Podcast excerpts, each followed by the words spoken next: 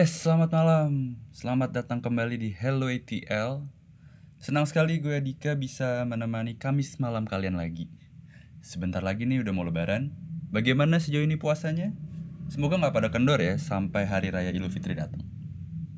Nah, sebelum dimulai, gue ingin mengucapkan selamat merayakan hari kenaikan Isa Al-Masih bagi para saudara serta kawan yang merayakannya. Dan tentu untuk kalian semua, selamat berlibur panjang karena Jumat tuh kalau gue lihat kalender nasional adalah jatahnya cuti bersama untuk menyambut hari raya Idul Fitri.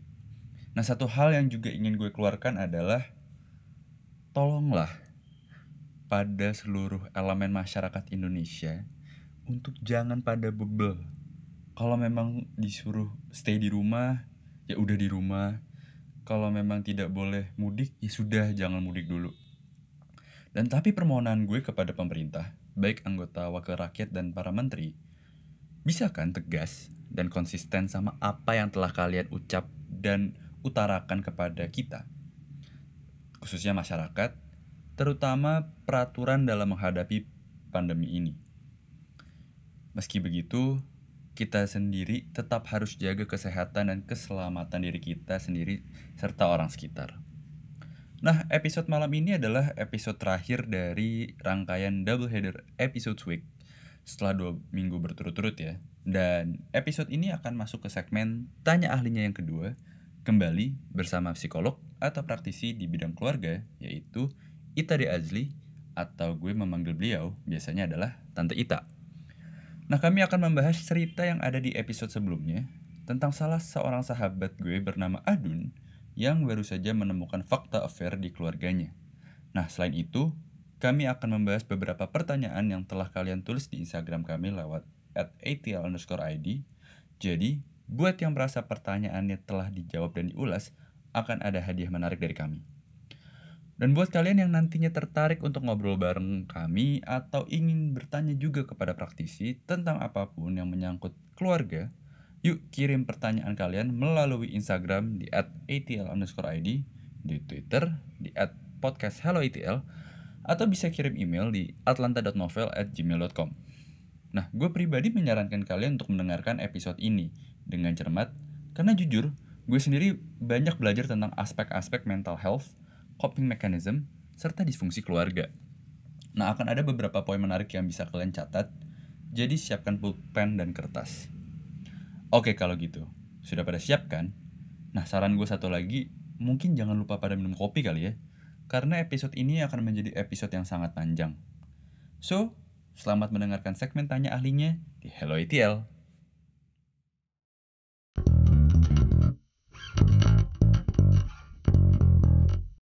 Halo Tante. Halo Dika. Gimana Apa kabar, kabar? Tante? Oh, baik. Oke, sip.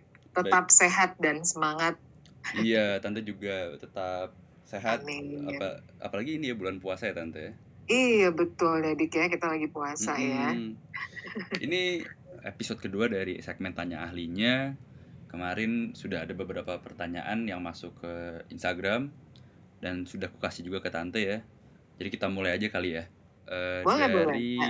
eh, dari Fania ya. Fania kemarin itu Fania, eh, bertanya gimana sih menyikapi trauma masa kecil tentang keluarga biar nggak ngefek ke perilaku saat dewasa tante.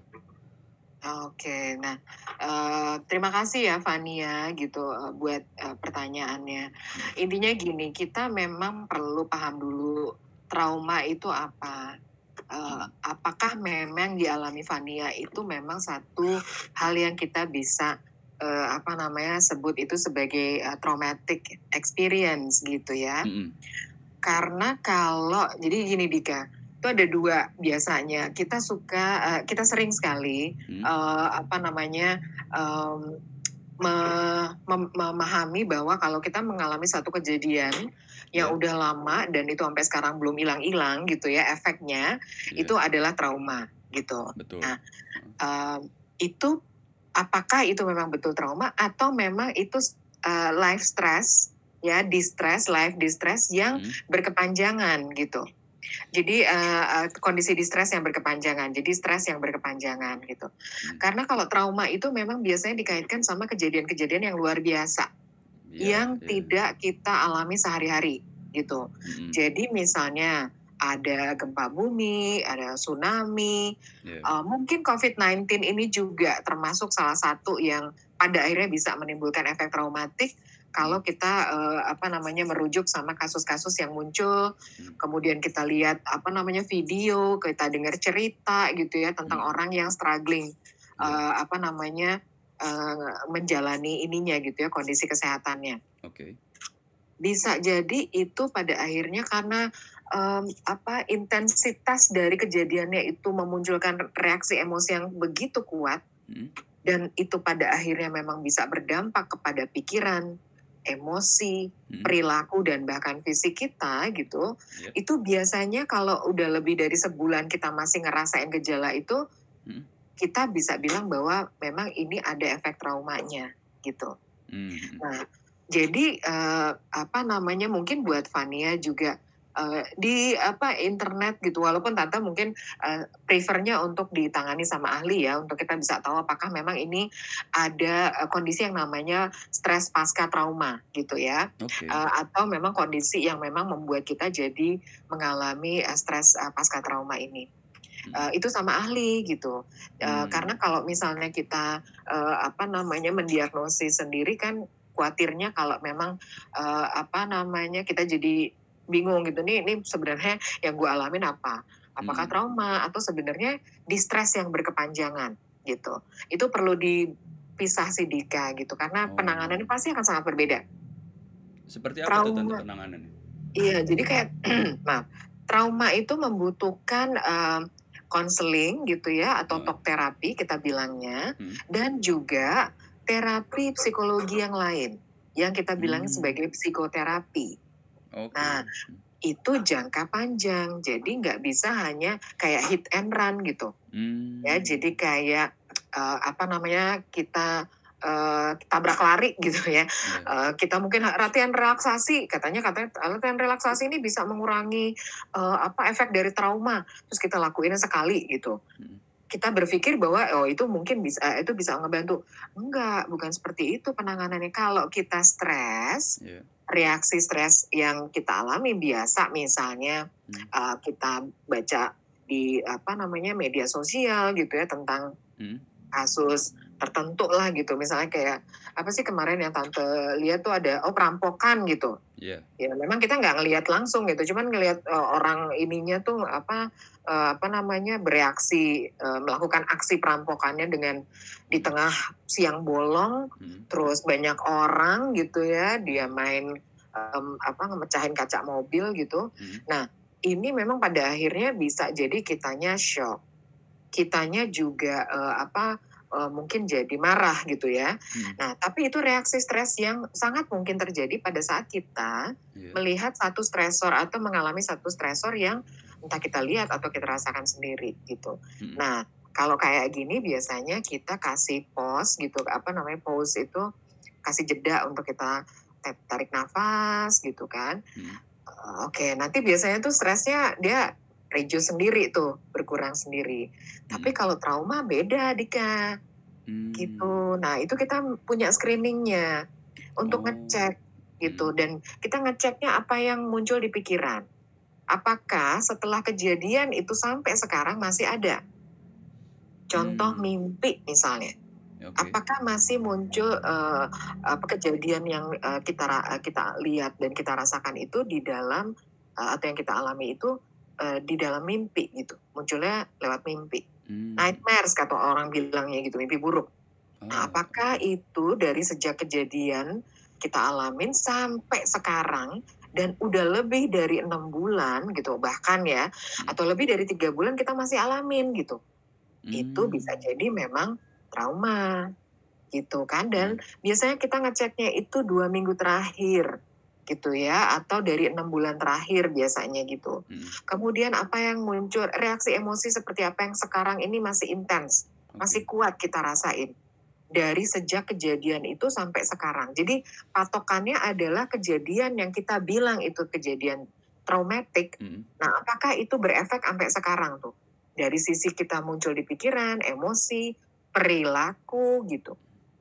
Eh, saya Hmm. misalnya kita pernah nabrak nabrak apa ya warung orang gitu Iya. dan di dalam warung itu ada ibu-ibu lagi eh, duduk di situ ibu-ibunya sih nggak apa-apa cuman warungnya kan porak-poranda lah gitu ya karena kita Iya. nabrak pakai mobil bukan pakai motor motor Yep. nah bisa jadi itu traumatik buat kita Kenapa? Karena walaupun kita udah minta maaf sama ibunya, kita udah Hmm. ganti rugi gitu. Tiap kita lewatin jalan itu, Iya. muncul tuh images gitu yang eh, apa namanya pada saat kita lagi nabrak terus kita lihat reaksi ah, ibunya nah yang kayak begitu tuh di yang kita bilang trauma gitu. Hmm.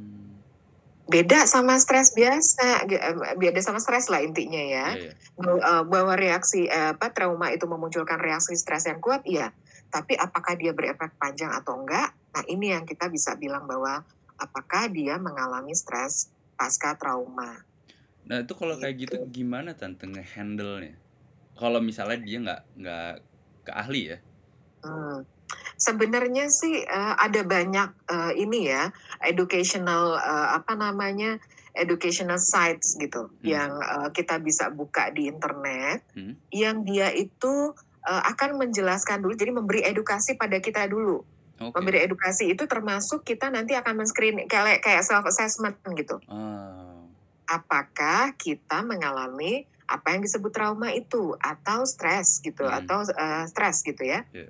Nah, jadi kalau memang ternyata kita confirm gitu dari self assessment itu, oke nih trauma gitu ya, oke. Terus kita lihat lagi apa yang biasanya disarankan oleh ahli untuk Hmm. self help. ya. ah. Paling tidak ngebantu diri kita dulu gitu, ngasih masker oksigen dulu deh sebentar gitu Hmm. sebelum kita mempertimbangkan apakah memang kita perlu ke ahli apa enggak karena semua assessment yang kita lakukan uh, sebagai uh, metode self assessment itu di bawahnya tuh pasti akan ada kayak kayak disclaimer gitu. Eh, ini bukan ini ya bukan apa namanya tes yang sesungguhnya gitu Eh, kalau udah dapet hasilnya tolong didiskusikan kepada kalau di kalau di luar negeri itu biasanya ke general practitioner ke dokter umum Oh oke. Nah, dari dokter umum baru biasanya akan di-refer ke psikolog atau psikiater gitu kan. Hmm. Kalau ngelihat dari eh, apa namanya severity dari kondisinya gitu ya. Iya. Nah, eh, jadi please be um, consider eh, apa apa namanya be wise gitu untuk kita bisa bantu diri kita. Jadi tahapannya itu Dika. Oke. Kalau memang nanti eh, apa namanya Vania berkenan gitu, Hmm. eh, di, dibuka ininya di internetnya, kemudian coba cari materi edukasi terkait sama trauma Hmm. eh, dan mungkin terkait juga sama family gitu ya, Oke. efek eh, dari situasi keluarga gitu ya atau masalah keluarga atau konflik keluarga terhadap eh, apa kesehatan mental atau psychological Hmm. conditions gitu.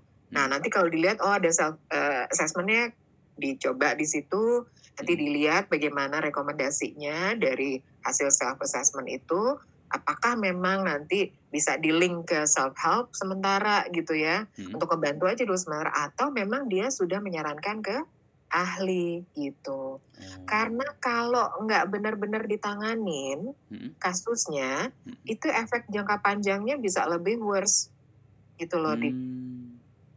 Sorry Gitu lebih ya. lebih worse tuh apakah nanti pola sorry trauma itu akan tetap mengi- tetap tetap dalam pikiran dia dan malah membentuk menjadi satu pola asuh dia sebagai orang tua kah ke anaknya? itu sangat bisa Oh. kemungkinan eh, kemungkinan itu terjadi sangat bisa Hmm. contoh misalnya ya karena sebagai psikolog keluarga kan tante dealing sama kasus-kasus keluarga ya Dika ya huh.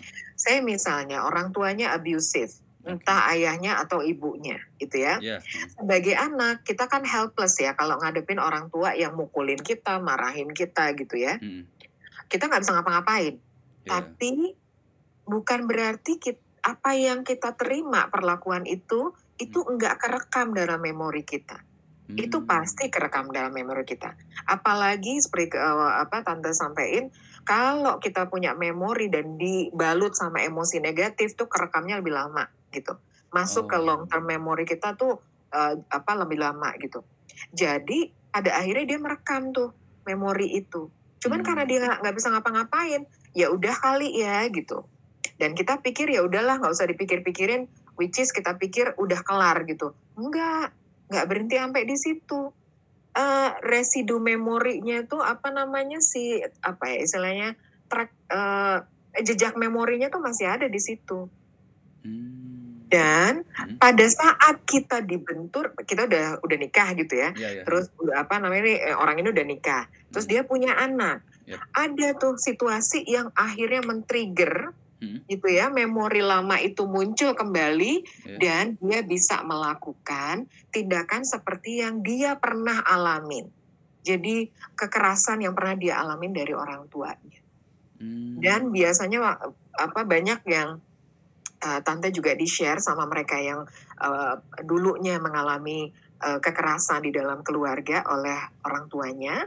Ternyata dia pada akhirnya datang ke sharing dengan tante, dia bilang, kok aku jadi begini ya gitu. Padahal aku tuh udah niat pengen jadi ayah, pengen jadi ibu yang nggak seperti orang tuaku, Iya. yang nggak mukulin anak gitu. Hmm. Tapi kok kejadian ya, dia bilang gitu. Hmm. Kenapa aku jadi mukulin anakku? Kenapa jadi aku kayak ibuku? Kenapa aku jadi kayak bapakku?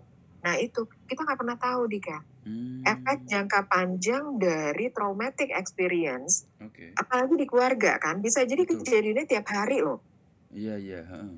ya kan? Iya. Dan eh, setiap hari orang tua kita yang memang mungkin ya dia punya perlakuan yang sangat tidak nyaman buat kita, itu setiap hari adalah stressors buat kita. Hmm. Jadi pemicu stres kita gitu. Oke. Kebayang nggak sih kalau kita nggak bisa menghindar dari stresor kita iya. dan kita harus hadepin gitu kan se- apa sepenuh jiwa raga gitu kita ngadepinnya gitu kan ya eh, Dika gitu. Iya. Eh, dan itu meng- mengabsorb energi di pikiran, emosi kita, perilaku kita, fisik kita gitu. Makanya akhirnya dampak dampak jangka panjangnya itu yang perlu dipikirkan. Jadi kalau sekarang ini belum eh, punya kesempatan untuk pergi ke profesional, Hmm. kalau memang itu adalah satu kondisi yang traumatik, eh, tante sih hanya menyarankan tolong dipertimbangkan, gitu ya. Hmm, Eh, cari tahu deh gitu ya. eh, apa makanya kalau di blognya tante tuh tante sharing gitu. hmm, Di mana dari mana kita tahu bahwa kita butuh terapi gitu. Hmm. Dalam kondisi seperti apa sih Iya, kita iya, pada akhirnya tahu bahwa no no no, this is not something that I cannot handle. Betul. gitu ya. Iya. Ini benar it's beyond my capacity. This is something uh, that I need I might need a professional help gitu. Iya, iya. Nah, yang kayak gitu ya supaya kita tid- mencegah efek jangka panjangnya nggak sampai seburuk yang kita uh, apa bisa alami nantinya gitu. Eh, yang aku penasaran gini tante, selama tante tahu be- beberapa kasus ya dari orang-orang yang Hmm. sudah curhat ke tante, eh, kebanyakan tuh mereka sebagai anak tuh melihat perilaku apa sih tante dari orang tuanya? Apakah mereka melihat orang tuanya berantem atau ada perilaku eh, yang bersifat kekerasan verbal atau fisik ke anak itu yang sampai membuat mereka trauma? Nah, sebenarnya kalau kita uh, bicara mengenai keluarga gitu ya, Hmm. Uh, keluarga ini kan punya fungsi beberapa gitu ya, yang Hmm. uh, dan fungsi ini perlu dijalankan oleh orang tua. Iya. Satu bahwa memang uh, uh, apa namanya ada fungsi yang terkait secara ekonomis gitu ya, Iya. uh, economical artinya orang tua adalah penanggung jawab dari uh, pemberian nafkah ya buat Hmm. anak-anak gitu. Yang kedua orang tua ini adalah uh, tante selalu bilang bahwa orang tua tuh soko guru, dia tiang penyangga di dalam pendidikan keluarga Oke. ya. Mm-mm. Jadi ada educa- e- educational uh, apa function dan ada socializing function. Artinya keluarga ini adalah bagian terkecil dari masyarakat gitu ya, Iya. yang kita belajar bersosialisasi di situ.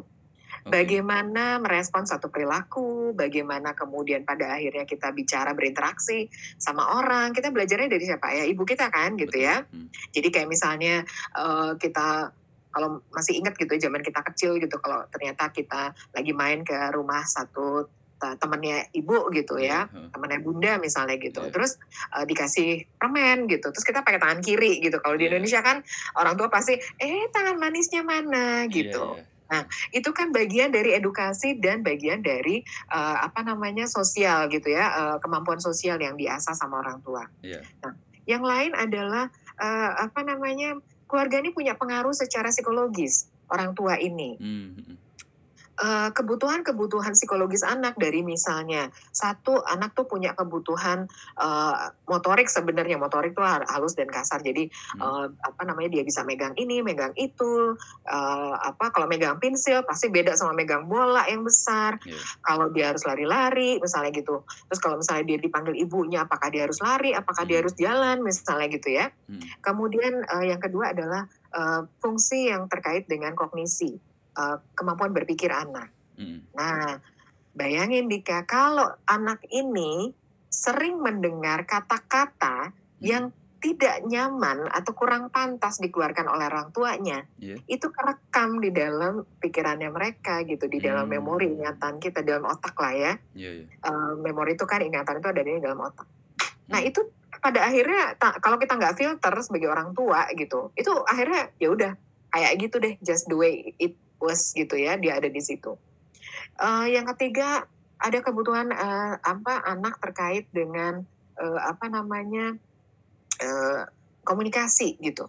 Oke. Dari kemampuan sosial tuh ada komunikasi. Nah kebayang nggak kalau dia hanya dia sering kali mendengar orang tuanya, mmm, me apa namanya, mengatakan hal-hal dalam nada tinggi dengan nada tinggi, Mhm. kemudian, eee, dia lihat ekspresi wajah ibunya misalnya gitu ya, kalau lagi ber bercakap apa be bukan berkomunikasi ya kalau udah kayak gitu, tapi kalau lagi marah-marah gitu kan. Iya. Eee, kalau lagi marah-marah gitu, itu pada akhirnya ekspresi wajah mereka juga itu kerekam sama anak-anak gitu. Nah, Mhm. jadi, eee, apa namanya, eee, seperti tadi, eee, ininya Dika gitu, concerns-nya Dika gitu. Eee, apa sih yang bisa bikin anak-anak itu jadi mengalami punya pengalaman yang nggak enak sama keluarga, sama orang tuanya? Iya. Ya kalau ternyata fungsi dan peran itu tidak berjalan sebagaimana mestinya gitu. Orang Mmm. tua nggak bisa kasih security buat anak, anak itu bisa merasa nyaman. Seperti yang di podcast yang dulu Dika bilang home itu kan, home ya, this is Iya. not a build a build apa namanya, eee, bukan building-nya gitu, bukan house-nya, tapi home, it's the feeling. Home is the feeling gitu. Betul. Nah, apakah orang tua itu adalah home buat kita? Iya. Itu pada akhirnya bisa dirasakan sama anak-anak. Mhm. Kalau dia merasa, eee, secure sama orang tuanya, Mhm. kalau dia merasa diterima sebagai anak, nggak dikit-dikit diprotes, Iya. Nggak dikit-dikit dimarahin gitu kan, misalnya gitu. Walaupun ibu-ibu tuh di mana pun ya, serang kadang-kadang kita suka pakai itu, apa namanya, latihan vokal gitu ya kalau ngadepin anak-anak. Iya. Ha harus dengan oktav yang naik gitu. Gitu ya. Tapi kan nggak ya itu mungkin in ini aja ya, insiden apa namanya, tergantung situasinya ya gitu ya. Tapi mungkin kalau keseharian barangkali kita punya kesempatan dialog, kita bisa ngerasain bahwa, well I am accepted gitu ya. Mhm. Mmm, I apa namanya, eee, saya di-recognize, di dianggap gitu sama orang tua gue. Mhm. Saya, eee, apa, diteri eee, bukan diterima, apa, disayang, Iya. diperhatikan gitu. Mhm. Nah, yang pada akhirnya akan menjadi permasalahan buat anak-anak adalah kalau dia tidak mendapatkan apa yang Tante sampaikan sebagai fungsi dari keluarga yang di mana peran orang tua ini penting di situ. Tapi sampai kapan sih Tante, eee, orang tua tuh harus mendidik psikologis anak? Sampai umur berapa? Oke, Membentuk sebenarnya gitu. Iya, yang krusial sebenarnya dari mulai anak di kandungan ya. Jadi Oh. eee, jauh sebelum anak dilahirin loh Dika, gitu. Mmm. Pada saat anak di dalam kandungan, kita sudah bisa memberikan edukasi itu, kenyamanan itu sama anak-anak dan itu jadi bekal buat dia gitu. Banyak penelitian yang dilakukan bagaimana janin itu merespons pada saat dia sudah dilahirkan sebagai bayi. Mhm Dan ternyata misalnya, eee, dia ingat gitu lagu yang sering di, eee, puterin sama ibunya, ada classical music gitu yang diputerin sama ibunya selama di dia di dalam kandungan. Pada saat dia merespon atau dia bereaksi pada saat dia denger, eee, apa namanya, lagu itu diputerin lagi gitu, eee, setelah dia misalnya umur 3 bulan, Mhm. itu menandakan bahwa di dalam janin sendiri, eee, apa namanya, di dalam apa, kandungan ibu, Mhm. si janin ini juga pada akhirnya, d apa namanya, eee, dia apa ya istilahnya, sudah diberikan edukasi gitu, sudah diberikan satu, eee, apa namanya, eee, pemenuhan kebutuhan, psikologis yang dia butuhin gitu ya. Oh. Eee, nah Jadi ja dari sebelum anak-anak itu dilahirkan, artinya dari masa kandungan, Hmm. sampai yang krusial banget sebenarnya sampai anak-anak itu usia 18 tahun. Oh, sampai kuliah ya? Aw awal kuliah? Iya, sampai mau masuk kuliah. Kalau batasan di Indonesia itu kan yang dianggap dewasa itu mungkin, eee, kalau tante ngelihatnya sih, kita punya KTP kan umur 17 tahun ya, Dik, ya, Betul. gitu ya. Hmm. Tapi itu secara umur, Iya. eee, bukan berarti terus kita dewasa gitu ya dengan Hmm. umur kita, enggak, beda gitu kan. Hmm. Eee, kedewasaan itu kan sifatnya, eee, apa apa, bukan hanya kronologis dari usia, Iya. tapi bagaimana, eee, ke eee, kedewasaan dia berpikir, dia kedewasaan bersikap, berperilaku gitu kan ya. Iya, heeh. Itu yang perlu dilihat. Biasanya tuh antara ya itu dari sebelum dia lahir atau dalam masa kandungan sampai dia usia 18 tahun itu yang paling krusial. Mmm. Dia yang paling krusial gitu untuk kita membekali anak-anak dengan, eee, nilai-nilai gitu ya. Hmm. Eee, kemudian mana hal yang penting buat ya itu akhir akhirnya jadi kayak tongkat estafet untuk di di apa namanya, diteruskan ke generasi berikutnya gitu. Hmm. Eee, bagaimana anak-anak punya life skills. Nah, itu tuh yang jadi pembekalan Oh. selama itu, gitu. Dan orang tua kalau ditanya kayak tante deh kalau ditanya, Hmm. mmm, "Kapan berhenti jadi orang tua?" Iya. Kita nggak pernah berhenti jadi orang tua. Mmm. Once kita dikasih amanah sama Tuhan Iya. untuk kita punya anak, Hmm. sampai kita nanti dipanggil sama Tuhan, Iya. itulah selama itulah kita berperan jadi orang tua. Mmm. sebenarnya. Tapi Hmm. orang tua yang pada akhirnya perlu untuk kita kita sebagai orang tua perlu paham Mmm. mana yang memang kita perlu punya involvement di di dalam, eee, perjalanan anak, mana yang kita udah bisa ngelepasin. Oke. Kayak kita main layangan, Dik. Iya iya. Kalau coba deh bayangin ya kalau pernah main layangan kan? Pernah pernah pernah. Masih ngalamin ya gitu ya. Masih, gitu. Soalnya zaman tante tuh kayak layanan layangan tuh happening banget kalau lagi liburan gitu kan. Masih Semua anak-anak laki perempuan pasti main layangan. Iya. Jadi kalau kita mau main layangan kan kita pegang dulu ya. Bener. Ada satu teman ya yang megangin terus Iya. kita pinin ta- talinya gitu kan ya. Nah, kita lihat kan dia kan kasih ancang-ancang dulu. Nah, itu orang tua Iya. selama masa tertentu kayak si layang itu dia pegangin dulu anaknya. Oh, oke. Sampai anaknya bilang, "Mam, dilepas ya, aku udah siap nih untuk Mmm. narik tali, Hmm. layangannya bisa berkibar gitu ya, bisa Iya. terbang gitu." Nah, tapi kan kadang-kadang stumble ya si layangan itu mungkin nggak anginnya nggak ini gitu atau dia Iya. mungkin cara narik talinya nggak bener terus nanti layangannya jadi bisa jatuh lagi. Orang tua akhirnya dengan em, apa ini bantuin anaknya ngangkat si layangan ini gitu. Oh. Jadi pada saat nah kalau layangan udah terbang terus dia misalnya masih eh, terus jatuh gitu dan Hmm. di situ orang tua tahu apakah dia butuh eh, nanya sama anak butuh nggak untuk mama bantuin lagi atau kamu bisa sendiri Mmm, mhm. Nah, itu biasanya kalau udah 18 tahun. Makanya biasanya sampai umur 18 tahun, kenapa anak-anak itu eh, biasanya perlu diajarkan kemandirian. Oke. Gitu. Karena dia pa- pada akhirnya perlu punya kemandirian dalam hal berpikir, Hmm. kemandirian dalam hal akhirnya dia punya emosi gitu. Artinya dia memutuskan mana yang emosi yang memang pada akhirnya gue mesti turutin, mana yang oke gue bisa manage nih gitu. Iya iya. Yang kayak gitu-gitu. Jadi kalau ditanya ya segitu lamanya gitu kita jadi orang tua. Lama juga tante dari belum dari belum dilahirin ternyata ya. Wah, itu Nah, Ini dari dari sebelum dilahirkan, dari sejak kita di eh, dokter bilang gitu ya, kalau kita ke dokter, aduh kenapa nih kalau eh, ibu? gitu ya, Ya. ibu-ibu tuh eh, biasanya, Mhm. aduh kok nggak enak ya badan? segala macam, ternyata dokter bilang, eh, oke nih pakai ini apa namanya dites dulu deh gitu, dicek dulu, oh ternyata udah hamil nih bu gitu, berapa minggu misalnya dokter kan ya, Iya. nah itulah peran kita sebagai orang tua dimulai. Dari semenjak itu, Wow. ya. Mhm. Lama ya.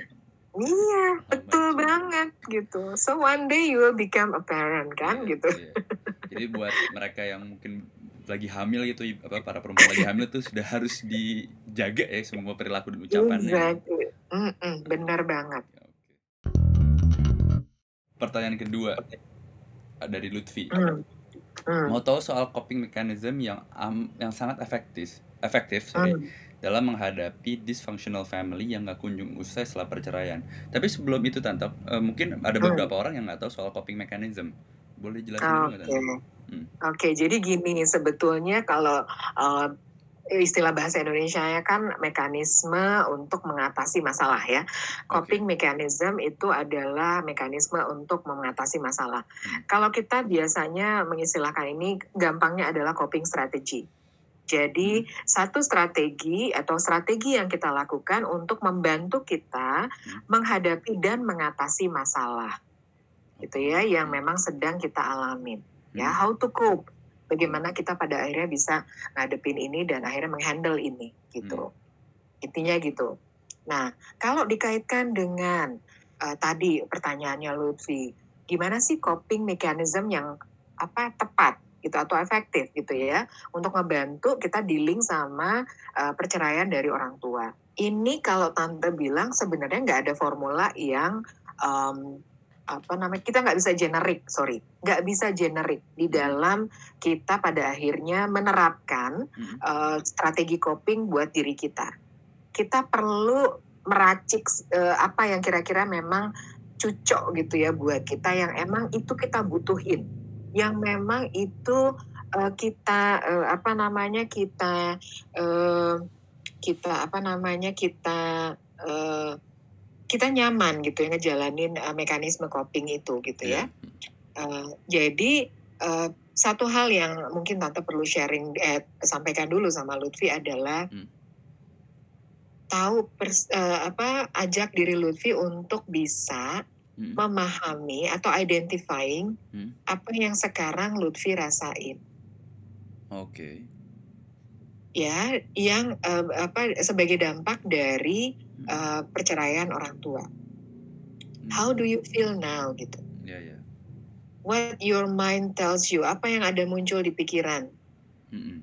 ya, apa yang dirasain secara uh, emosi, Hmm. apakah marah, apakah sedih, Ya. apakah denial, Hmm. atau mungkin shock masih belum reda gitu, Ya. kan shocking ya, it's a, it, a- it is a shocking event gitu, Betul. tahu bahwa orang tua kita memutuskan untuk berpisah, itu kan shocking buat anak-anak ya, Hmm. gitu. Eh, bagaimana kita deal sama apa eh, sorry apakah itu yang masih kita rasakan jadi apakah kita masih eh, di dalam diri kita emosi yang kita rasakan tuh masih ada shock Hmm. ya eh, dengan kejadian itu apakah kita masih denial Hmm. Apakah kita eh, mengalami marah gitu Ya. ada kecemasan yang kita yang muncul dari dalam diri kita gitu Hmm. yang kita rasakan ketakutan kebingungan mungkin juga apa kekecewaan yang mendalam kesedihan tolong tanyakan itu pada diri kita dulu Oke. kenapa karena itu langkah awal Hmm. untuk kita mau ngadepin fakta dari hidup yang sekarang kita alamin Ya. ha. itu memang kejadiannya sama orang tua kita. Keputusan orang tua kita, bukan keputusan kita. Kita sih maunya mereka tetap ini ya, akur gitu, Ya, rukun, damai, sentosa gitu ya. Uh, selama apa namanya hayat di kandung badan gitu ya. Yep. Hmm. Tapi ternyata things happen along the way and then mereka decide untuk tidak lagi sama-sama ya. Hmm. Dan kita pada akhirnya nggak lagi bisa merasakan seperti yang dulu kita rasakan. Hmm. apa yang sekarang ini pada akhirnya perasaan apa yang muncul, emosi apa yang muncul, apa yang juga muncul di pikiran, bagaimana kemudian kejadian itu berpengaruh terhadap perilaku kita, bagaimana kejadian itu pengaruh ke- eh, berpengaruh terhadap fisik kita. Beberapa kasus yang tata tangani Ya. setelah orang tuanya bercerai atau bahkan se- selama proses orang tuanya mau memutus eh, mau bercerai gitu ya dalam prosesnya gitu, di persidangan dan sebagainya sering banget itu jadi mahnya kambuh. Oh. eh, gangguan mahnya muncul. Hmm. ada juga yang akhirnya alergi yang muncul gitu jadi ada gangguan kulit gitu ya. Padahal dia emang kan eh, nggak apa-apa biasanya gitu Hmm. dan dia juga bingung kok gue jadi alergi begini gitu kan Hmm. atau bahkan pada akhirnya jadi sesak napas gitu Ya. kok jadi susah napas ya gue gitu. Nah, reaksi-reaksi ketubuhan itu penting karena dia berkaitan erat dengan emosi kita, emosi jiwa kita lah kalau orang bilang itu. Oh. We need to know first gitu. Jadi first things firstnya itu kita mesti nanya sama diri kita, how do I feel now? Mhm mhm. Ya. Baru abis itu. Kita pada akhirnya bisa, eee, apa namanya, melangkah kepada mencari tahu apa yang, eee, bisa ngebantu saya atau bisa saya butuhin sekarang. Iya. Ya, kalau misalnya kita ngerasa lagi sesak napas gitu. Mhm. Sesak napas itu sebenarnya reaksi dari kesedihan. Oke, iya iya. Make Ya sense. kan? Iya iya Eee, iya. kalau kita sedih, itu biasanya paru-paru kita nih ke-trigger. Dan dia Mmm. memunculkan reaksi kita jadi su kayak sulit bernafas gitu, ya. Mhm. Nah, kalau itu kita lagi sesak napas gitu kan, terus, eee, kayaknya nggak mungkin nih relaksasinya pakai tarik nafas dalam, orang gue lagi sesak napas gimana sih gitu kan. Mhm. Oh enggak ya, berarti bukan itu. Nah itu, coping-nya bukan itu berarti, caranya nggak gitu, gitu. Mhm. Ya, apa yang kita bisa lakukan? Mmm. apa namanya, mungkin pada saat itu kayak kita perlu berbaring, Mhm. kita perlu duduk minum air hangat gitu, minum teh hangat Mhm. ya, Iya. yang, eee, pelan-pelan kita minumnya, Mhm. ya. Kemudian mungkin kita perlu juga untuk, eee, apa namanya, eee, bantu diri kita misalnya pakai aromaterapi yang itu Mhm. sifatnya nenangin gitu. Entah kita mungkin perlu di apa ya istilahnya kalau kita lagi sedih itu mungkin kita perlu untuk bisa, eee, nangis gitu, Mhm. ngeluarin air mata, fine, Nangis aja it's gitu, okay. apa-apa kan? Heeh, nangis aja gitu. Mhm. Karena, mmm, kayak waktu di yang sebelumnya kita ngobrol nih, Kak. Iya. Eee, kondisi orang tua bercerai itu kan kayak kedukacitaan buat kita ya, Betul. ya. Mhm. Kita berduka gitu, kita lagi dalam kondisi di apa, grief gitu, grieving. Yap. Nah, kasih waktu untuk kita ngejalanin grieving kita dulu, Mhm. gitu. Iya, mhm. Mungkin ada denial, ya memang itu prosesnya gitu kalau di grieving. Mhm. Mungkin kita jadi marah, ya memang itu di dalam prosesnya grieving. Mungkin kita terus akhirnya jadi stres sendiri, ya itu memang, eee, prosesnya di grieving. Mungkin kita akhirnya jadi feeling depressed, gitu, karena kita jadi helpless, kita jadi hopeless juga mungkin gitu. Iya. Ya memang itu bagian dari grieving. Kita perlu ngasih waktu untuk kita ngejalanin itu, jadi nggak bisa lompat. Mhm. "Ah, enggak enggak," atau denial, "Ah, udah udah nah, gue nggak mau ngejalanin ini deh," gitu. Nah, itu kita nggak akan nggak membantu diri kita untuk cope dengan masalah kita, gitu. Kalau kita lari dari apa yang keja yang terjadi sama diri kita, Mhm. yang kita rasakan, yang muncul dari pikiran kita, kita nggak mau mengakui itu, kita intinya kita lari, kita kabur gitu ya, kita Mhm. flight gitu kalau di dalam istilah, eee, stress management, kita flight gitu, Mhm. kita kabur. Kalau Mhm. kaburnya sebentar aja sih nggak apa-apa, mungkin kita lagi belum bisa dealing pada saat itu. Tapi kalau kabur-kaburan terus gitu, nah ini yang pada akhirnya nanti, eee, akan menjadi, eee, permasalahan tersendiri buat kita gitu. Mhm. Kita nggak akan mau jadi ngadepin masalah kita. Dan kalau kita nggak me menyediakan diri atau kita bersedia ngadepin masalah kita gitu ya, dan kita nggak admit apa yang kita rasakan gitu, dia akan terus ngintilin kita, Dik. Oke. Dan kita akan punya attachment emotional attachment gitu ya, atau attachment issues terkait sama masalah-masalah yang nggak kita kelarin gitu, ya. Mhm. Jadi instead of kita jadi punya coping mechanism yang bagus, akhirnya itu menjadi bumerang buat kita gitu. Oh, oke. Malah akhirnya jadi bikin masalah kita jadi tambah tambah, eee, apa namanya, tambah tambah kuat gitu ya, kita rasain gitu. Nah, dan itu berdampak terhadap kesehatan fisik, kesehatan mental, hubungan kita dengan orang lain, kemudian juga, eee, urusan kerjaan kita mungkin atau kuliah gitu. Segala aspek deh di dalam kehidupan kita pada akhirnya itu nanti in apa, ada waktunya untuk ada gilirannya untuk akhirnya itu kena satu-satu gitu. Nah, Mhm. pilihan kita apa? Kalau memang kita mau betul-betul membantu diri kita untuk bisa mengatasi ini, ngadepin dan mengatasi ini, Iya. oke, satu, apa namanya, first things first, define or identify apa yang kita rasakan sekarang. Apa yang muncul di pikiran kita sekarang. Terus kita tanya sama diri kita, apa yang kita butuhin? Apakah kita butuh sharing sama orang? Apakah kita butuh untuk kita nulis gitu? Karena nulis pun terapeutik sifatnya gitu. Iya iya. Bisa ngebantu kita sebagai satu, mmm, apa, media terapi buat kita. Betul. Atau kita ngelukis misalnya gitu, art therapy ada gitu. Itu sebagai kayak orang sekarang suka beli apa sih, coloring gitu ya, bu iya. apa, coloring book heeh. Mungkin uh, sa pada saat itu kita cuma butuh waktu untuk, udah ah gue diem dulu, eh apa bukan nggak mau ngapa-ngapain tapi nggak mau ngapa-ngapain dalam kita secara fisikal kita ke mana-mana tapi Hmm. gue pengen uh, mewarnain ah gitu. Boleh nggak apa-apa. Warna yang kita pilih menunjukkan emosi kita. Hmm. At least kita kasih kesempatan buat emosi kita ke ke apa namanya kesalurin gitu di media yang namanya coloring book gitu. Oke. Atau apa kita yang yang kita butuhin Hmm. ya. Jadi eh, coping itu ada dua, ada yang healthy, Iya. ada yang nggak healthy. Oh.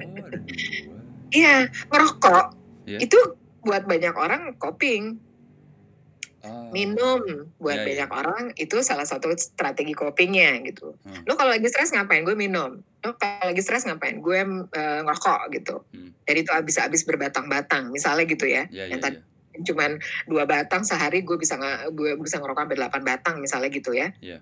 Menurut mereka itu coping, cara mereka ngadepin masalah gitu. Mm-mm. Tapi apakah itu sehat? Nah, iya benar. Nah, makanya pada akhirnya kita kan jadi berpikir gitu. Nah, Iya. kalau mau kalau kita mau nerapin strategi coping Hmm. yang healthy apa yang nggak healthy buat gue gitu. Benar. Nah, itu yang kita perlu pikirin. Nah, kalau yang tadi tadi tadi tante sampaikan itu yang healthy ways.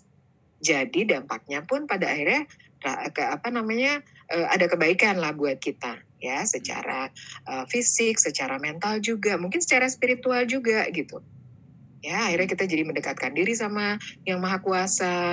Kayak sekarang nih bulan puasa, akhirnya kita jadi kalau yang muslim tuh jadi tadarus misalnya Iya. gitu atau jadi eh, apa ngencengin ibadah. Jadi yang tadinya sholatnya mungkin di akhir waktu, jadi sekarang di awal waktu gitu kan, misalnya gitu ya. Itu kan pada akhirnya berdampaknya ketiga hal itu, secara fisik, secara mental, atau secara psikologis, dan juga secara spiritual gitu. Mm-mm. Nah, itu yang healthy ways. Tapi kalau yang unhealthy, Hmm. nah itu yang tadi Tante contohin. Sekarang pilihan kita apa? Kalau memang kita mau efektif, berarti yang healthy ways. Oke. Gitu. Tapi gini tante, kan bi- biasanya banyak orang menganggap sorry yang tadi coping yang unhealthy ways itu sebagai excuse mereka gitu loh tante. Kadang-kadang aku menemukannya seperti itu kan. Kayak em, iya ya ini masalah-masalah gue gitu. Gue Mm. gue menjadi semau gue gitu. Cuman sebenarnya kan mereka butuh ditolong nggak sih dibantu meskipun sebenarnya mereka juga mendinai bantuan dari inner circle-nya untuk ya lo harus survive gitu lo harus berpikir positif gitu Nah, itu poinnya menarik tuh, Dik. Bisa nggak kita ngebantu? ya iya sebagai iya, Orang, sahabat ya. misalnya Bisa nggak kita membantu orang yang sebenarnya dia sendiri sebenarnya nggak mau dibantu atau dia nggak tahu masalahnya apa? iya Nah, ini yang sulit sebenarnya. Kita tidak bisa membantu orang kalau dia nggak memba- tidak mau membantu dirinya sendiri. oke Sebagai psikolog, Hmm. tante pada akhirnya pada saat mendampingi klien gitu, Hmm. ini eh, klien tuh ada tiga modelnya Dika. Mungkin Oke. ini bisa tante sampaikan juga ya, iya gitu ya. Satu ada klien yang namanya dia visitor, cuma Hmm. namu doang. oke Jadi kalau kita punya butik tuh dia datang terus dia megang-megang ada ukuran ini enggak, ada yang eh, designer labels enggak gitu atau Ah, apalah gitu. iya, iya. Tapi nggak beli, Dik. Nggak Iya. beli. Hmm. Not even dia tanya misalnya eh, ini bisa di customize nggak ya, tailor made gitu. Yep. Gitu ya. Eh, kalaupun nanya paling eh, cuma nanya doang, tapi nggak benar-benar dia lakonin. Nah itu visitor. Jadi eh, ada yang teman kita yang memang cuma pengen sekedar tahu doang gitu. Hmm. Eh eh, kalau bete kayak gini, lu biasanya ngapain gitu. Iya. Terus kita misalnya kasih tahu nih, Hmm. tapi belum tentu loh dia mau ngejalanin kalau dia jadi visitor. oke kitanya aja yang akhirnya jadi effort gitu ya uh, make eh, make efforts gitu. Nah, kalau kita ketemu teman yang dia di visitor kalau dalam terminologi klien gitu ya dia adalah klien yang visitor, kita jadi apa? Kita jadi hostnya aja Dika.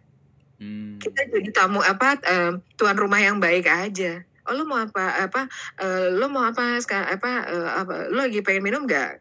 Eh, gue bikinin teh nih gitu. Hmm. Oh boleh deh boleh. Yaudah. Terus eh, ini gue ada kue nih kalau lo mau ini aja gitu cobain cicipin misalnya gitu. ya ya Oh boleh gitu. Hmm. Nah udah. Jadi apa yang memang dia butuhin aja yang kita kerjain. Hmm. Yang kita ini yang kita, kita eh, apa bantu. Tapi kita nggak bisa make, make effort yang lu kayaknya mesti gini deh, lu kayaknya mesti gitu deh, lu kayaknya mesti gini deh gitu. Kita berharap kita mengencourage dia untuk dia mau dibantu. Belum tentu Dika. Hmm. Kalau mental state-nya dia adalah visitor. Oke. Sorry. Gitu. Ya, ya. Nah, jadi eh, kita lihat nih teman kita, Hmm. visitor atau yang kedua namanya complainer. Komplainer. Komplain, ah, komplain, komplainer tuh itulah komplain mulu. Iya. Dik gimana sih eh, apa namanya eh ini nyokap bo- bokap gue begini begini begini begini Iya. terus eh, apa namanya eh terus kita bilang sebentar Dik. Eh, apa namanya terus kita kita pada akhirnya eh, apa eh iniin gitu ya dengerin masalahnya dia Em, oh kalau gitu gini-gini kita kan sebagai teman kadang-kadang suka tempted ya untuk Hmm. ngasih solusi gitu kan padahal itu belum tentu yang di dia satu mau yang dia butuhin yang kedua dia siap untuk nge- nge- ngejalanin apa yang kita bilang sebagai solusi itu Iya. ya apalagi kalau mental state dia masih sebagai complainer Hmm. Sebagai orang yang complain all the time gitu. Hmm. Pokoknya ada aja masalah yang dia bawa. Tiap Iya. ketemu kita pasti deh. Dan kadang-kadang kita suka gini sendiri tuh, aduh ini apalagi nih gitu ya. Ada tuh teman-teman yang modelnya kayak gitu kan, Hmm. yang eh, selalu masalah yang dia share gitu kan. Yep. Nah, kalau udah kayak gini kita cuma bisa jadi listener aja. Kita jadi Hmm. pendengar yang baik aja deh gitu. Yep. Hmm. Nggak bisa effort yang terlalu lebih juga. Karena kalau yang visitor dan complainer ini adalah mereka belum tentu mau membantu dirinya sendiri. Hmm. cuma pengen ngeluarin aja gitu. Cuma pengen eh, seluruh dunia tahu bahwa gue lagi punya masalah gitu. Oke. so what? Gitu. Oke lu punya masalah. Terus apa? Do you want to do something about it? Gitu. Hmm. belum tentu. Kalau si visitor dan complainer nah yang ketiga ini ada klien yang kita sebutnya sebagai customer. Oke. klien yang customer itu dia datang dengan kesadaran datang dengan satu tujuan makanya biasanya kalau di sesi awal tante selalu nanya apa tujuannya datang atau eh, dari tera apa ya yang mau didapetin dari terapi ini atau apa yang di yang mau didapetin dari konseling ini gitu Oke. Eh, apa sih yang jadi tujuan anda ke sini gitu ya intinya ya. gitu Hmm. baru tuh dia bilang ya saya mau berubah saya mau ini saya mau itu gitu artinya ada perubahan yang mau ter- dia diharapkan terjadi Hmm. Nah, baru dari situ kita punya kontrak setting gitu ya kalau dia bilang seperti itu. Dan kayak teman kita iya nih dik gue bete kalau begini mulu dik. Hmm. gimana ya cara gue pengen nih dik bisa bantu diri gue gue pengen nih dik gitu. Hmm. dia dia ngomong kayak gitu aja kita udah tahu dia punya modal tuh buat ngebantu dirinya. Iya. dan dia potential customer gitu ya artinya dia adalah orang yang mau menjadi agent of change buat dirinya dia gitu ya nah di situ peran kita jadi seller jadi ibaratnya kalau tadi ya balik lagi kalau kita jadi punya butik Iya. ada yang datang gitu bukan cuma customer atau complainer tapi customer Hmm. kan dia bisa jadi uh, apa namanya pelanggan gitu ya Iya. jadi pelanggan dia pada akhirnya juga beli barang kita Betul. kita juga pada akhirnya bisa nawarin yang lain produk kita gitu kan yang kayak gitu-gitu sama Dika di dalam interaksi kita Hmm. dalam mendampingi teman-teman yang sedang ada situasi Iya. kita pada akhirnya perlu tahu posisi kita yang mana nih apakah kita jadi host apakah kita jadi listener Hmm. atau kita yang terakhir kita jadi seller Hmm. artinya kalau jadi seller ya tadi orang ini memang betul-betul mau menjadi agent of change dari Hmm. situasinya dia mau melakukan satu perubahan gitu. Oke. Jadi ya itu balik lagi ke orangnya ya tante ya. Gitu. Mau mau seberapa besar aku mau mengubah temanku ini ya nggak bisa juga ya kalau mereka apa merekanya tidak mau mengubah dari dirinya sendiri. Mm-mm, betul Tapi kok misalnya gini tante, kalau memang dia lagi dalam masa kop, eh, men- apa ya, kayak coping gini tuh ada nggak sih tante batasan waktu untuk dirinya dia kayak kira-kira jangan kelamaan deh gitu. Karena Hmm, kan kalau kelamaan mungkin juga nggak baik buat dirinya juga tante. iya biasanya kalau di terapi gitu ya Hmm. Eh, psikologi kita nerapin ada perumusan tuh eh, 21 per 90 21. Artinya, ha, dalam 21 hari kita mengupayakan apa yang memang kita bisa eh, eh, apa namanya lakukan sebagai coping strategi kita. Hmm, Misalnya Oke. kita butuh relaksasi gitu ya, tekniknya deep breathing nih.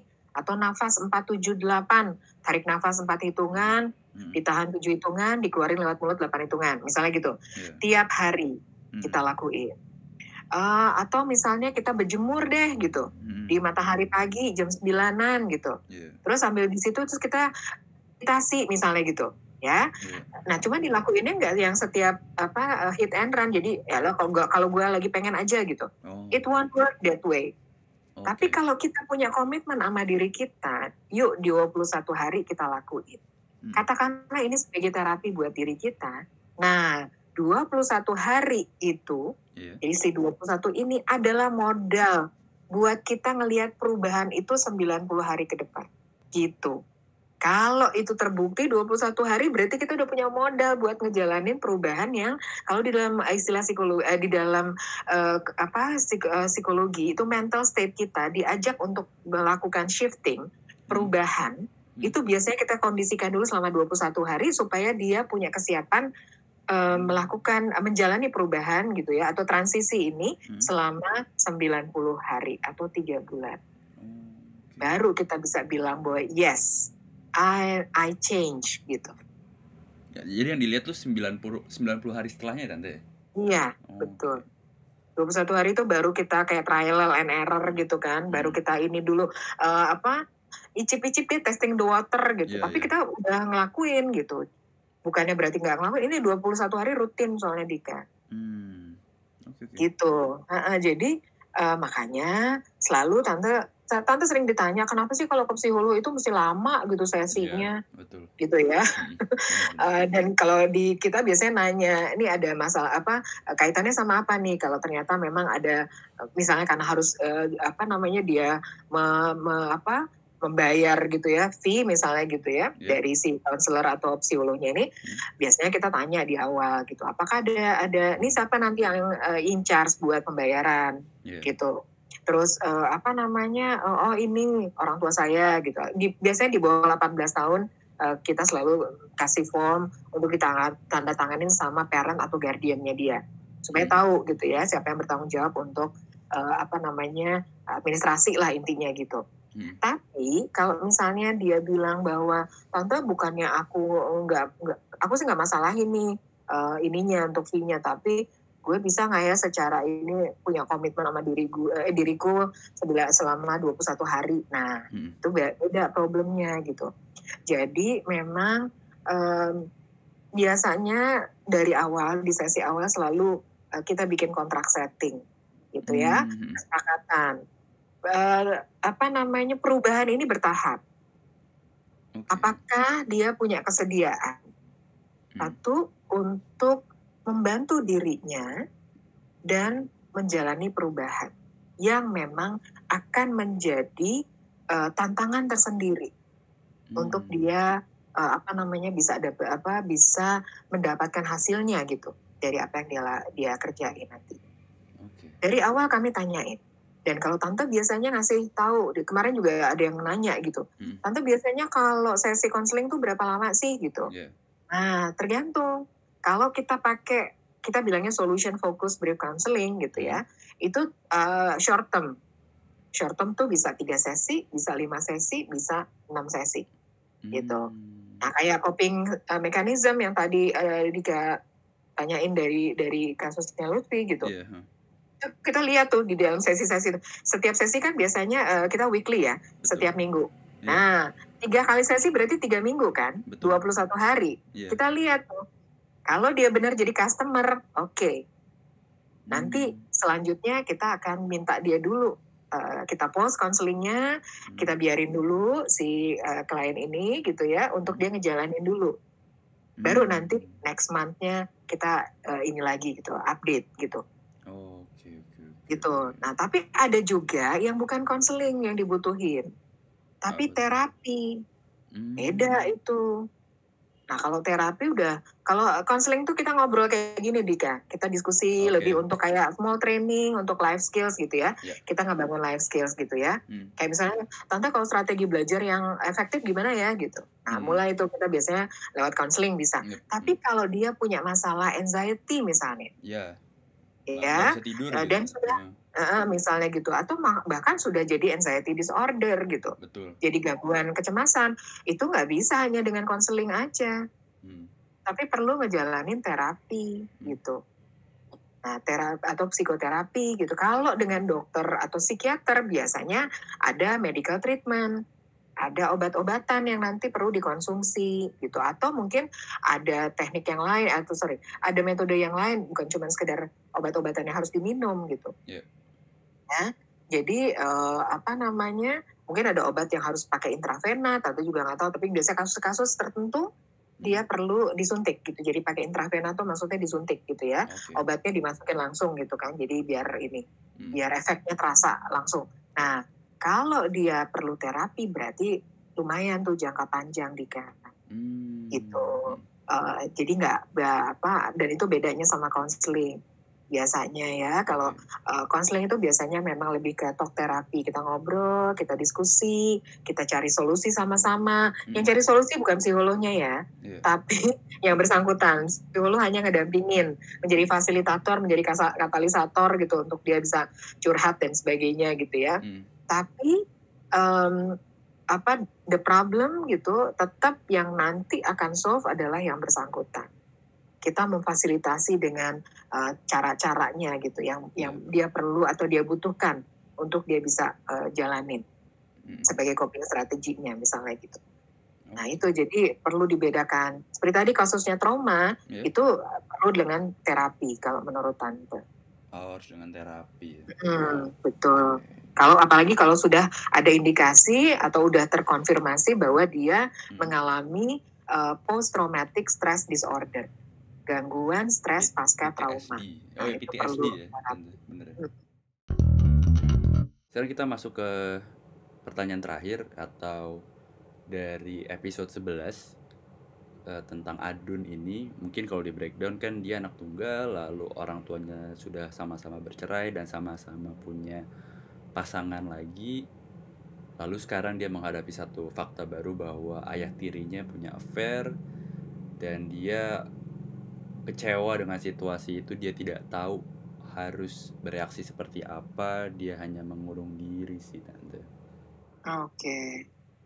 Iya, eee, tante udah dengerin, mmm, ininya case-nya Adun ya Iya. gitu, eee, jadi gini, kalau tante melihat, eee, apa namanya, eee, mungkin kita perlu luruskan ya Dika ya, Iya, apa sih yang namanya dysfunctional, eee, families, eee, apakah memang seperti yang kita pikirkan gitu. Jadi Betul. gini, keluarga itu, eee, ada 2, ada yang functional Ya. family, Mhm.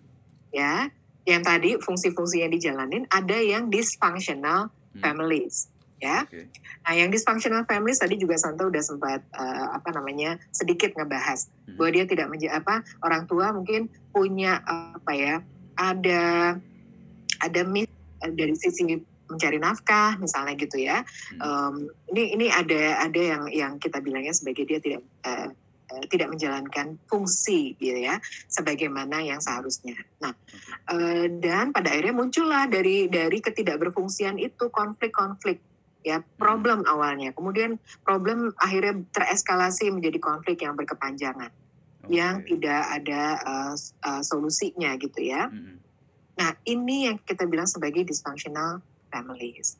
Mmm. Eee, dari kasusnya Adun kemarin, Iya. yang tante dengerin, ini kelihatannya memang ada yang disebut unhealthy family dynamics. Unheal oke. Gitu, eee, ini agak beda lagi nih sebenarnya, karena kita Oh. perlu untuk bisa memperjelas dulu ya. Iya. Jadi gini, setiap keluarga itu punya dinamikanya sendiri, ya, Oke. Eee, dan dinamika ini yang membuat kita jadi pada akhirnya bisa, eee, punya ke apa, kenyamanan gitu. Iya. Eee, apakah memang kita, eee, apa, sebagai keluarga membangun, eee, hubungan cinta gitu ya, kasih Mhm. sayang satu sama lain, Iya. atau Mhm. kita malah akhirnya jadi memunculkan perasaan, Mhm. sedih, Mhm. mmm, kebencian gitu, Mhm. Ya. Kan ada tuh love and hate relationship katanya gitu kan. Betul. Gue sama bokap gue love and hate relationship tante, gitu. Iya. ada tuh yang bilang kayak gitu. Iya, iya. Lebih banyak love-nya lebih banyak hate-nya Nah, gitu kan heeh, ya. mhm. Pokoknya gue hate banget deh gitu. Kayaknya love-nya gue juga nggak ngerti deh. Eh, aku nggak ngerti tante kan love apa enggak. Mhm.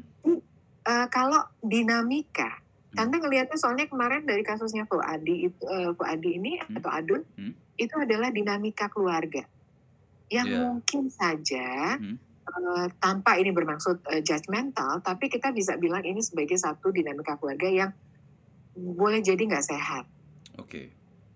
gitu ya. Em, apa namanya nggak sehatnya gimana? Karena gini, kalau di dalam keluarga itu kan memang kita perlu untuk bisa memahami kebutuhan anak ya. Mhm. Eh, salah satu yang kemarin eh, beberapa kali disebutin sama Adun adalah em, dia merasa ibunya reserve ya, Iya, Eh, mendem gitu, betul. nggak ngomongin, nggak transparan, Bener. nggak komunikatif sama dia. Jadi dia menebak-nebak sendiri Hmm. gitu.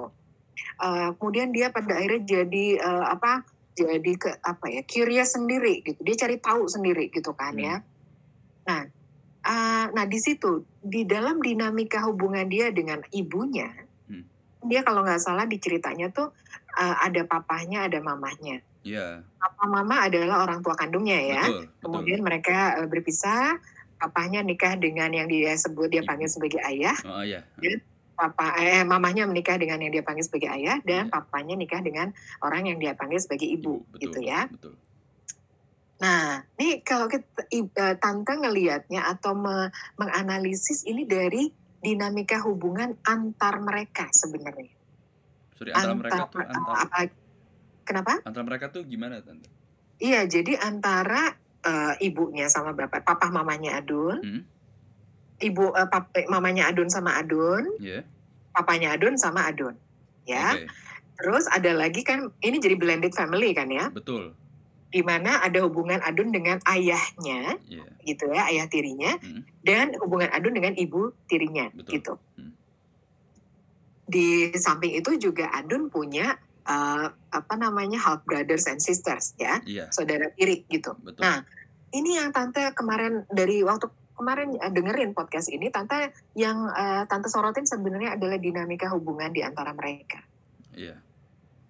yang memunculkan Hmm. banyak sekali reaksi-reaksi yang pada intinya memang eh, like it or not atau disadari apa enggak ini jadi stressful sebenarnya gitu Hmm. Ya Hmm. Eh, seperti misalnya ceritanya Adun yang eh, akhirnya jadi ketahuan bahwa ayahnya eh, ada affair dengan bukan dengan apa namanya dengan eh, orang lain gitu Betul. ya karena dia ter, eh, ngelihat riset apa apalah Iya, gitu iya. kan ya Hmm. dan ternyata itu sama saudara tirinya dikonfirmasikan oh iya kan udah lama gitu Hmm. hah Gitu. dan dia bilang kan dia merasa di betrayed gitu dia Iya. merasa dikhianati gitu ya Betul. nah ini tante ngelihatnya dari eh, dari hubungan dinamika hubungannya mereka di antara mereka ini keluarga ini gitu Iya. yang akhirnya jadi blended family ini Hmm. gitu nah di sini akhirnya konflik-konflik itu muncul Hmm. ya makanya pertanyaan Adun yang terakhir yang di kan sempat nanya lo ada yang mau ditanyain nggak sama psikolog Iya. Adun bilang kan enggak nggak ada oh iya deh gue mau nanya how to be weak gitu Betul. How to be weak. Ya gimana caranya gue bisa lemah gitu Hmm.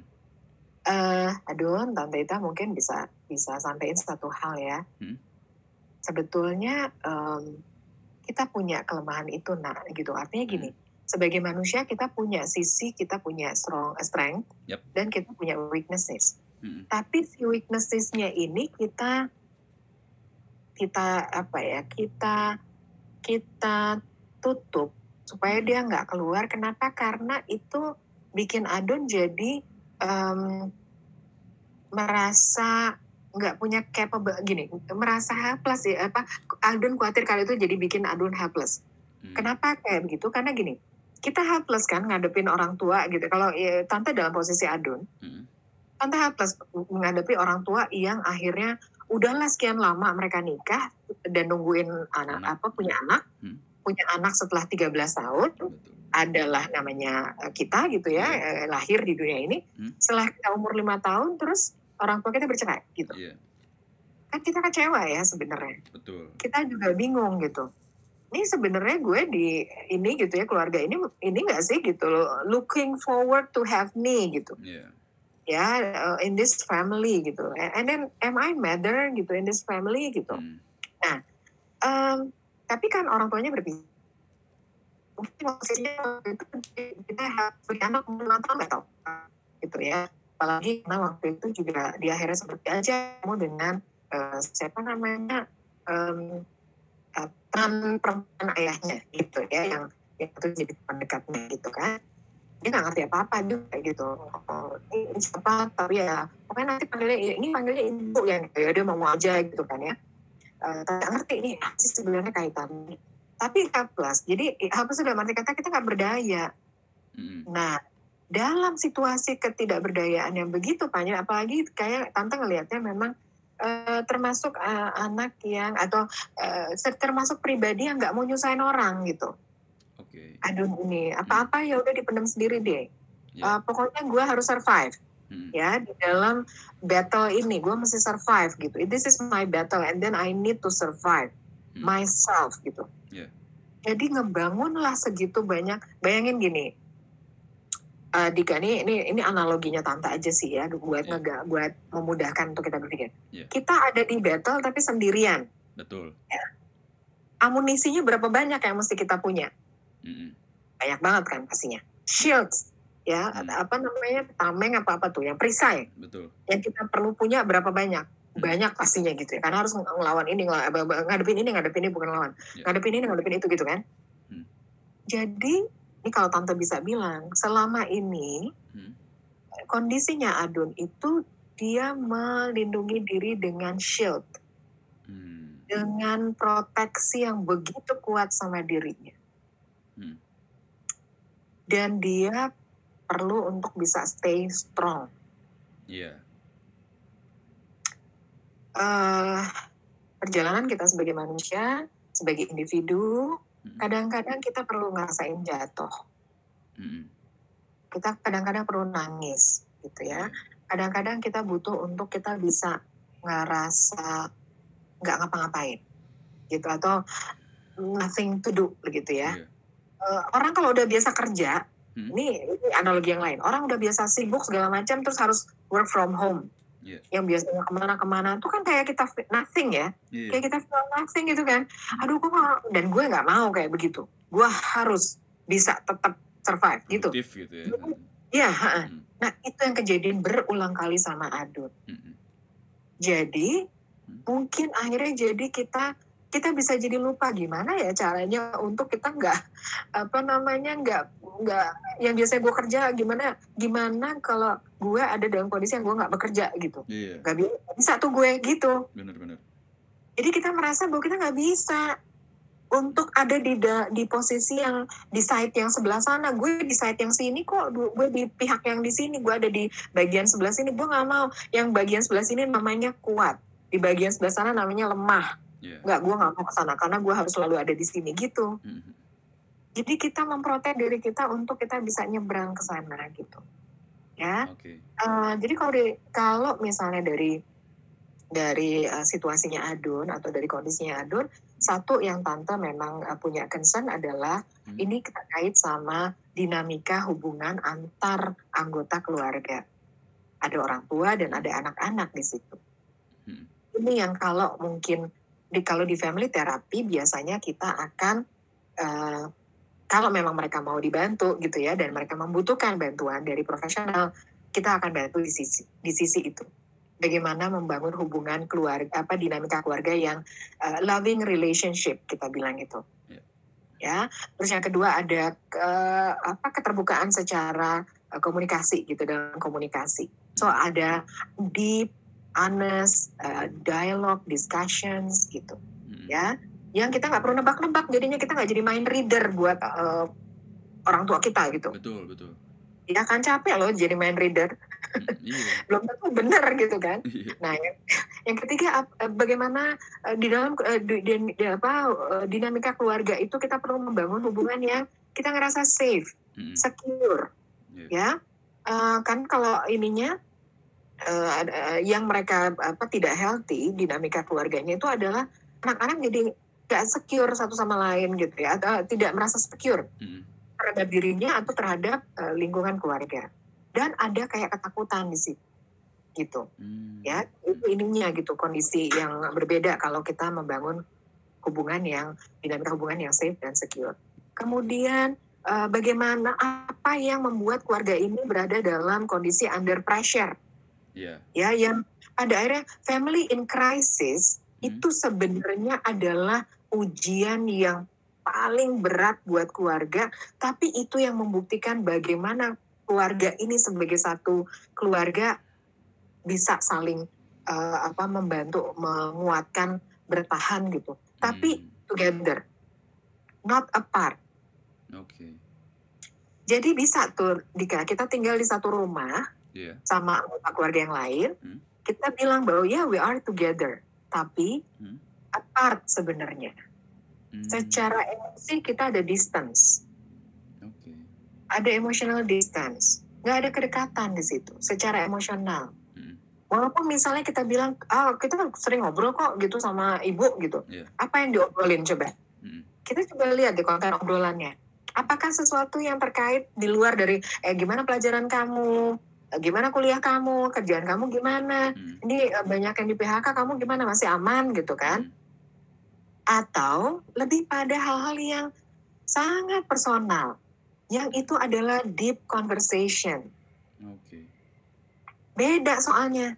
Sekarang coba deh anak anak kecil kalau ditanya tante suka tuh kalau pas lagi ada lagi ngedampingin ada anak-anak gitu dalam dalam eh, dalam terapi keluarga gitu ya ini Iya. keluarga ya bukan terapi ke anak ya karena tante bukan psikolog anak.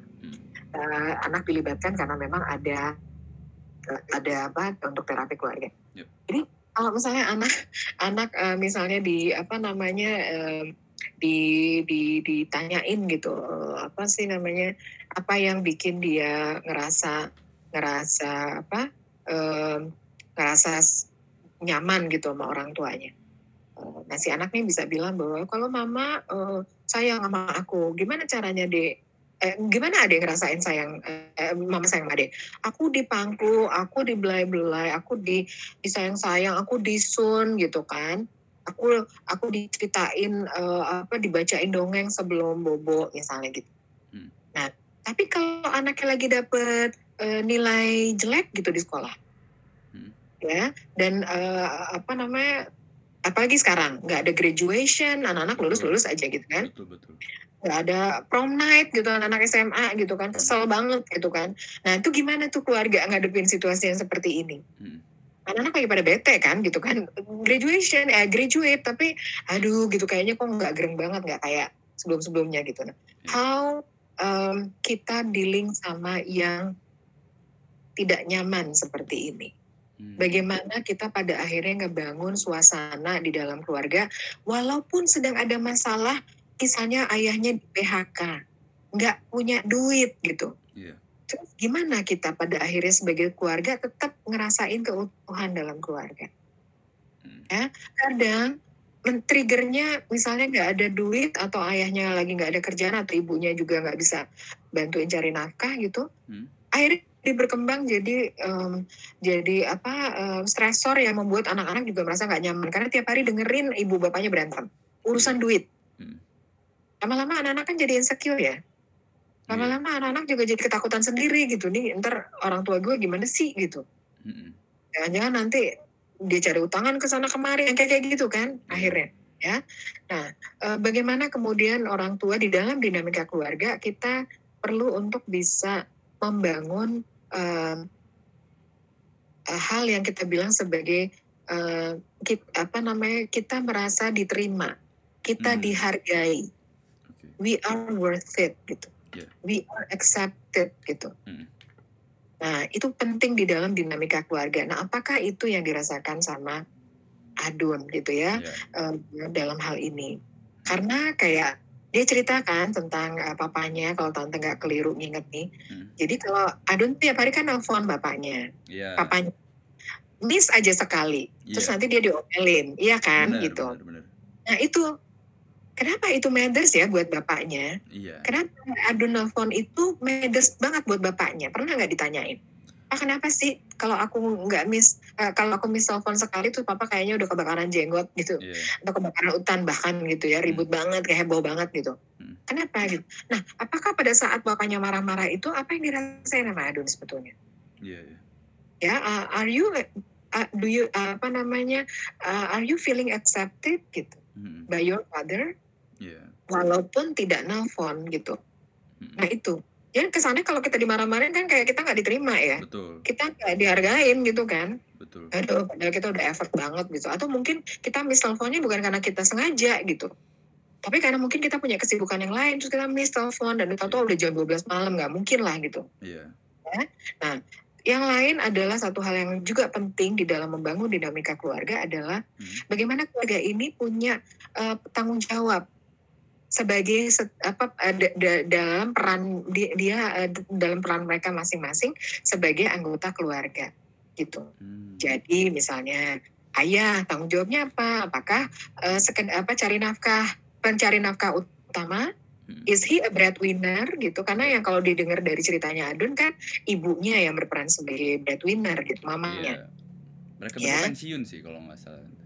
Eh, kenapa? Pensiunan mereka. Pensiunan, nah Iya. itu gitu ya. Nah em, sekarang se- pensiunan ya, Iya. udah pensiun gitu ya. Dulu mungkin waktu Adun kecil em, mereka masih aktif gitu ya. Betul. Nah, bagaimana uh, uh, responsibility yang yang terbangun di dalam uh, mereka apa namanya kehidupan mereka sebagai satu keluarga gitu.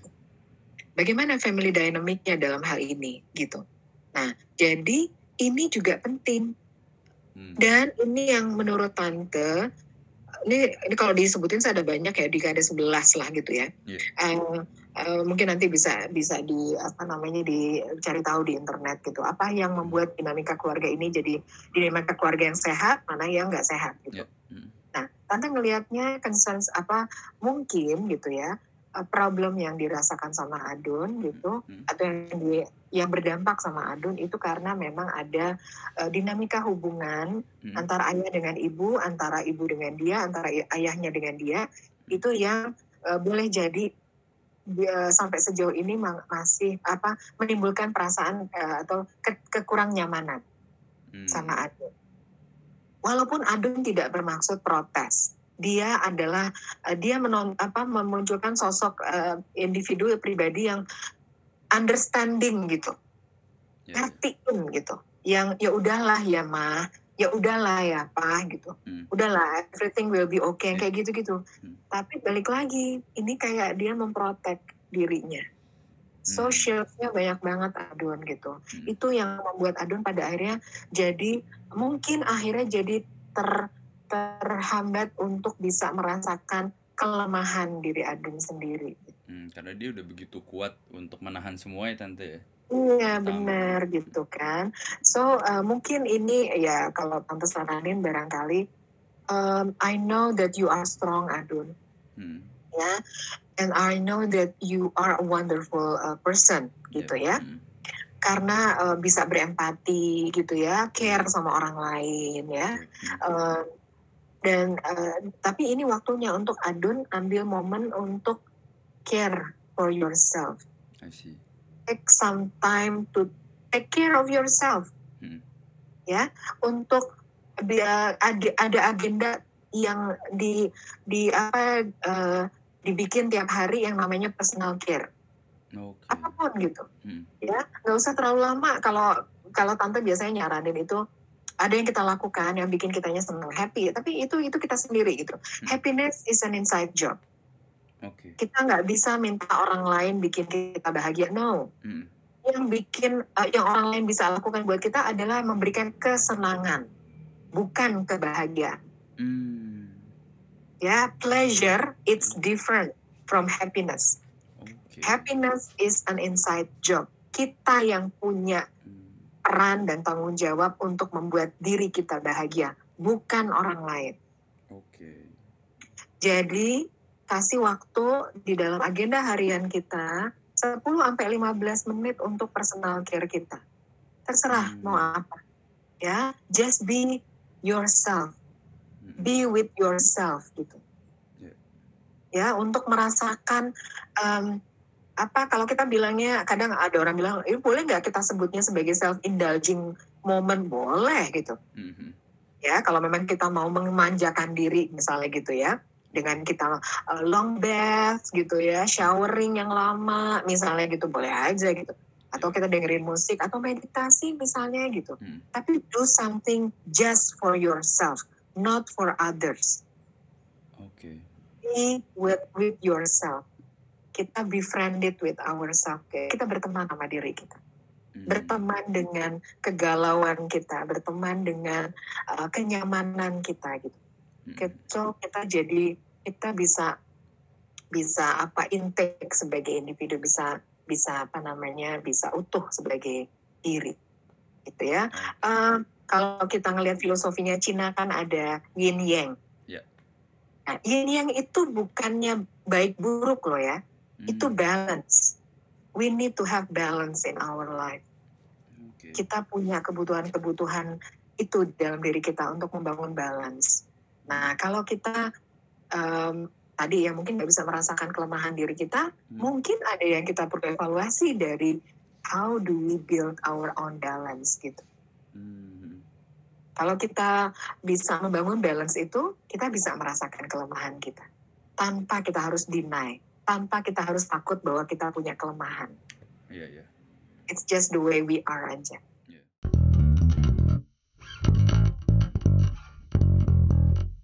Oke tante, Em, Oke. sebagai konklusi ya kali untuk as a wrap wrap up, mungkin tante ada yang mau disampaikan? Ya, jadi eh, terima kasih buat yang udah sharing ya Dika, Iya, sampein salam tante buat teman-teman yang udah sharing, yang Hmm. mungkin juga udah dengerin podcastnya Dika, Mhm. Hello ATL gitu Iya. ya. Hmm. Mudah-mudahan apa yang memang eh, kami diskusikan di sini Dika dengan saya Iya. itu bisa jadi kebaikan dan manfaat ya. Hmm. Dan satu hal lagi, eh, tante bisa bilang gini, it's okay to have problems, Yep. we all do. Hmm. What's not okay is to do nothing about that. Hmm. Ya, kenapa? Because problems is a chance for us to do our Hmm. best. Take note ya. Problem is a chance to do our best.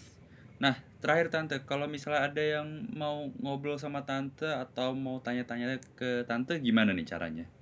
Jadi gini, tante eh, punya Instagram, Nah, iya. eh, on the couch with Ita, Oke. itu eh, diklik aja, maksudnya di, di ini aja, di apa namanya, dibuka Instagramnya tante. Hmm. Di situ ada link Yep. yang eh, eh, tante pakai Linktree. Jadi ini bukan promosi tapi ya buat Linktree ya. Diklik aja di situ, tante eh, punya blog gitu yang tante sharing mengenai counseling. Oke. Tante juga sharing mengenai psikoterapi gitu Hmm. ya. Tante sharing mengenai mental health Yep. ya. Eh, mudah-mudahan itu bisa menjadi materi edukasi tersendiri buat eh, yang yang mau tahu gitu ya tentang hal-hal yang memang jadi curiosity-nya kita. Sengaja tante compile dari berbagai macam sumber, referensi untuk bisa jadi pembelajaran buat kita. Nah, kalau ada yang mau tanya, Hmm. itu nanti bisa email ke tante karena memang eh, di situ ada ada alamat email yang eh, tante share gitu Yep. untuk eh, mereka bisa nanyain langsung.